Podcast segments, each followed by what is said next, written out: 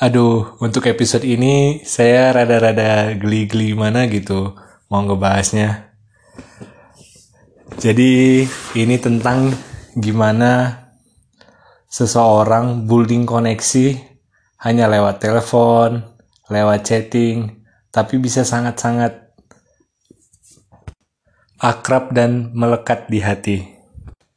Kalian mungkin pernah dengar ya kasus-kasus tentang anak dibawa lari oleh orang yang dikenal di Facebook atau dating scam ya yang ujung-ujungnya duit. Uniknya ya, metode mereka ini hampir sama sih semuanya.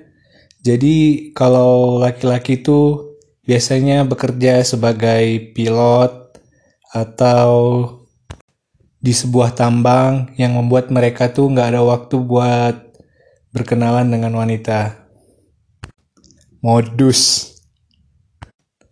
Kalau targetnya untuk pria, biasanya sih si wanita seorang TKW atau yang bekerja di luar negeri. Oke lah, dari semrawutnya kasus-kasus tersebut, yang saya nggak bisa habis pikir tuh, seorang wanita karir, master ya, jadi bisa dibilang wanita ini nggak bodoh loh. Cuman wanita ini rugi sampai 2 miliar karena ditipu oleh pasangannya yang dia kenal lewat online. Mungkin kalian bisa bilang bodoh amat sih. Ya, itulah. Jadi kalau misalnya kalian terlalu emosional, memang akal bakal menciut. Wanita tersebut seakan-akan terhipnotis oleh rayuan-rayuan bullshit. Sampai di sini buat yang logikanya tinggi, udah deh, stop aja jangan lanjut. Meriang nanti. Rasa curiga pun seakan-akan gak kepikiran gitu. Padahal kan misalnya kita bisa minta video call, tapi anehnya itu dia. Selalu aja ada alibinya. Pelakunya kebanyakan orang keling ya. Mereka ngaku-ngaku jadi bule gitu. Dan lucunya tuh kadang sampai ngirim foto dan foto tersebut tuh mereka crop gitulah. Foto bule. Jadi dari segi menipu sendiri mereka udah mikir matang-matang ya. Mereka juga memang nggak pakai um, foto sendiri gitu. Kalau saya lihat berita di Thailand sih, banyakkan romance scammer nih dari Nigeria. Cuman kalau Indonesia sendiri, banyaknya ditargetin sama orang keling.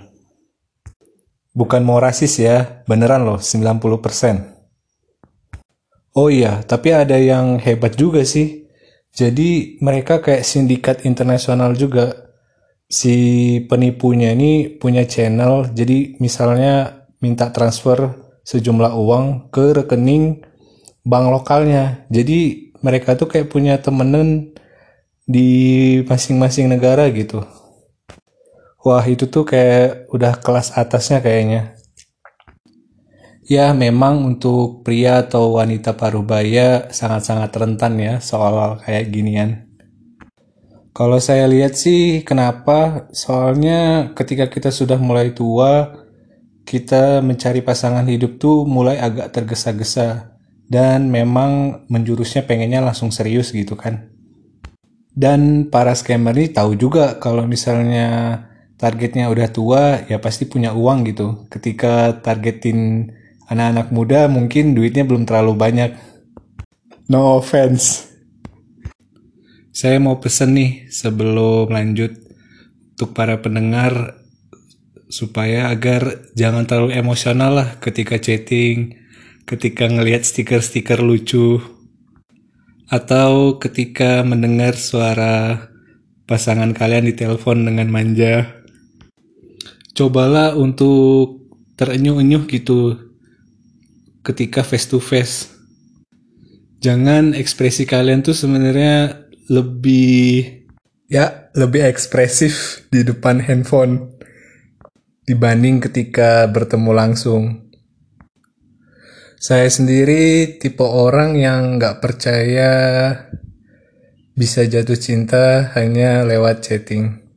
Saya mungkin lebih prefer bertemu di jalan, terus dari mata turun ke hati, ya oh my god I got a crush. Gitulah kira-kira. Salut juga deh sama buat para kaum ta'aruf ya.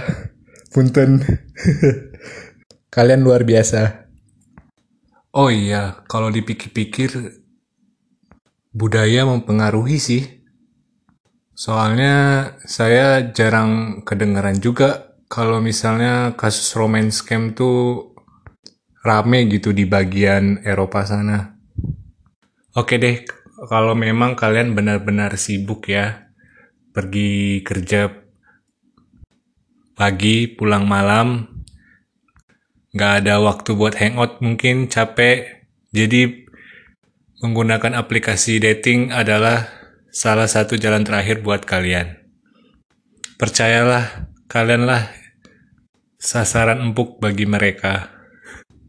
Mungkin untuk saat ini kalian bilang ke diri kalian masing-masing ah saya mah nggak akan bakal tertipu gitu kan tapi beneran loh waspada dengan emosional online. Ketika sudah dijalani, bisa beda pandangannya. Ya, kalaupun paranoid banget lah, nggak usah pakai internet banking aja. Jadi susah kan kalau mau transfer-transfer. Ada nggak sih ya kira-kira riset tentang kenapa berhubungan secara online tuh bisa sangat emosional gitu? Karena jujur aja sih sebenarnya saya kadang-kadang juga bisa emosional juga gitu kan. Cuma ya saya lebih excited kalau ketemu pasangan saya langsung gitu. Apalagi ke tempat-tempat eye catching ya kan. Sampailah pada kesimpulan kalau tindak kejahatan itu ada karena cinta. Karena uang, Kayaknya seputaran itu aja deh ya kan? Banyaknya. Saya berharap semoga para pendengar mendapatkan pasangan yang baik ya, yang kalian impikan selama ini. Atau mungkin buat Anda yang mungkin sudah menemukannya ya, hati-hati, people change. Saya Teguh, saya Aguh, please let us sign out. Ciao.